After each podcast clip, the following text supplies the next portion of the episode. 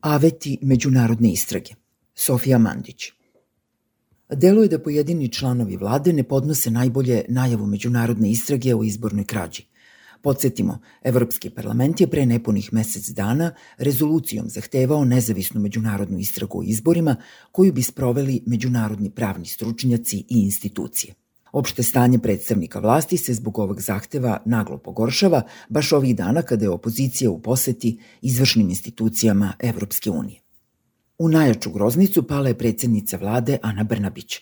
Ona kaže da moguća istražno kaznena ekspedicija, tako se kaže međunarodna istraga na radikalskom jeziku, gazi suverenitet Srbije, da je u pitanju de facto gašenje naših institucija, suspendovanje naših zakona, oduzimanje osnovnih ljudskih prava naših građana, da se radi o ukidanju države, suspenziji Narodne skupštine, a time i glasa naroda i suvereniteta pojedinca koji bira svoje predstavnike da odlučuju u njegovo ime. Kao da su je zaposlili opozicioni dusi, Brnabić nikada nije bila bliže istini. Samo je potrebno da u svom razmatranju reč istražno-kaznena ekspedicija zameni rečima Srpska narodna stranka, te da simptomi koje je odlično opisala budu povezani sa njihovim stvarnim uzročnikom. Dakle, ova stranka, a ne neka buduća i još uvek nepostojeća međunarodna istraga u Srbiji, oduzela je suverenitet građanima, suspendovala ustav, sve zakone, institucije i osnovna prava. Ali vratimo se konkretnim argumentima predsednice vlade protiv međunarodne istrage. Brnabić je te argumente poslednjih dana neumorno ponavljala u medijima koje obilazi i oni bi se mogli svesti na a. Međunarodna istraga je jednaka odricanju od suvereniteta i okupaciji i b.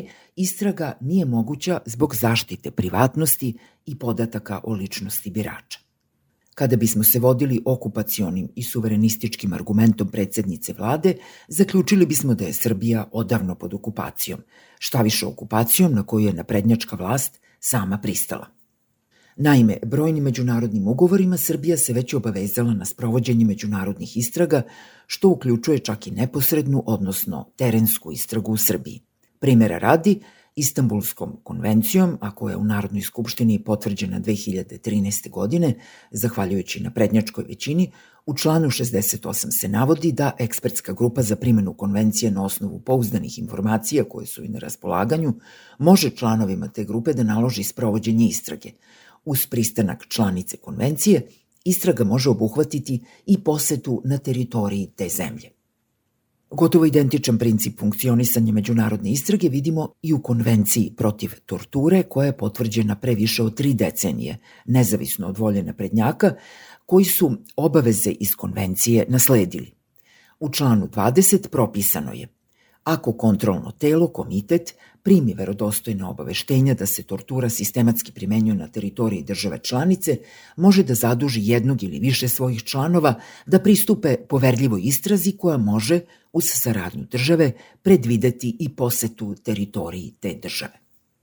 Kao što vidimo na ova dva primera, a ima ih još, suverene države širom sveta, među njima i naša zemlja, prihvataju koncept međunarodne istrage u slučaju verodostojnih i pouzdanih informacija o ozbiljnom ili sistematskom kršenju prava. To je odavno postao standard koji se ne dovodi u pitanje, iako je poželjno da bude poslednji mehanizam zaštite. Takve istrage obuhvataju istražne radnje na teritoriji konkretne zemlje, ali uz pristanak i saradnju državnih organa – Međunarodni ugovori ustanovljavaju i sudsko-tužilački imunitet za članove istražnih misija, a obavezuju istražitelje da državu izveste o rezultatima istrage sa jasnim preporukama. Dakle, treba znati da se problem pri sprovođenju potencijalne međunarodne istrage ne sastoji u primeni nepoznatog ili okupacionog pravnog mehanizma, kako to predstavlja predsednica vlade.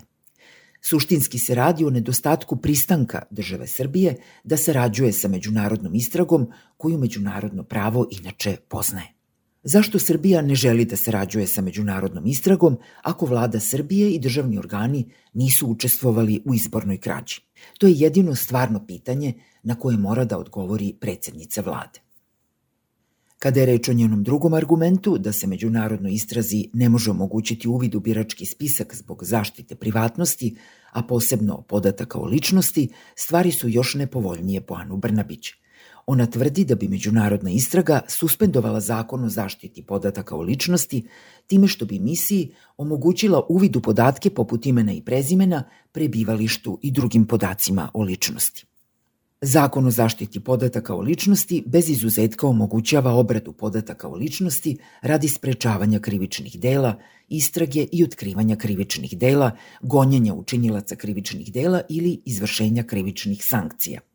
Dakle, domaći zakon ne dozvoljava da zaštita podataka o ličnosti spreči utvrđivanje odgovornosti za učinjeno krivično delo, u konkretnom slučaju krivično delo sastavljanja netačnog biračkog spiska. Da nije tako, niko nikada za ovo delo ne bi mogao da odgovara, jer tužilaštvo tobože ne bi smelo da ima pristup biračkom spisku. U Srbiji niko ne odgovara, ali ne iz razloga zaštite podataka, nego iz razloga zaštite izvršne vlasti. Ana Brnabić sigurno zna, ili bi bar morala da zna da je važeći zakon o zaštiti podataka o ličnosti usvojen 2018. godine, opet uveliko na prednjačko doba. I to prevashodno kako bi u ovaj zakon bila integrisana rešenja opšte uredbe o zaštiti podataka o ličnosti Evropske unije. Stoga treba naglasiti da Uredba Evropske unije na istovetan način sa domaćim zakonom omogućava obradu podataka o ličnosti u svrhe sprovođenja istrage. Ta uredba u potpunosti bi obavezivala svakog člana neke buduće međunarodne istražne misije, što bi trebalo da umiri predsednicu vlade, sve je po propisima. Toliko o pravnim argumentima Ane Brnabić. Ona se tako uživala u svoje tobožnje razumevanje prava da je lekciju, kratka forma na Twitteru, održala profesorki ustavnog prava i narodnoj poslanici Jeleni Jerinić.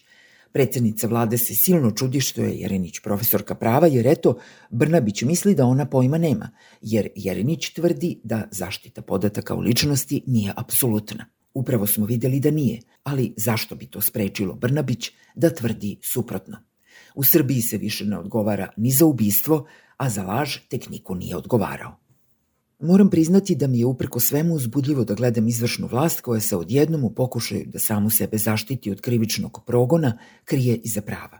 Ne možemo da vam dozvolimo međunarodnu istragu, kažu. Prekršit ćemo neka važna pravila.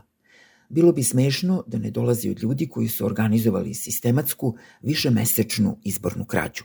Međutim, to nemušto pozivanje na pravo ipak pokazuje da kada jedan čovek ili jedan režim pokušava sebe da brani od optužbe, on mora makar da pokuša da to učini pozivajući se na pravila. Evropskoj uniji ne može da se kaže krali smo izbore, pa šta? Bar nekada preti sankcijama. Na još nešto mora da odgovori Ana Brnabić, pored onoga o razlozima za izostanak pristanka za dolazak međunarodne istrage zbog čega nadležna javna tužilaštva nisu pokrenula ni jedan krivični postupak za utvrđivanje odgovornosti za učinjena krivična dela protiv izbornih prava.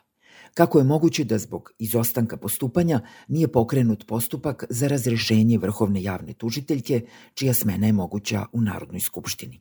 Kada bi na ova pitanja predsednica vlade odgovorila elementarno iskreno, i građanima i svetu bi bilo jasno da je u Srbiji u ovom trenutku jedino moguća, a posle tri meseca čutanja domaćeg tužilaštva i jedino prihvatljiva, ona istraga koja ima međunarodne i nezavisne atribute.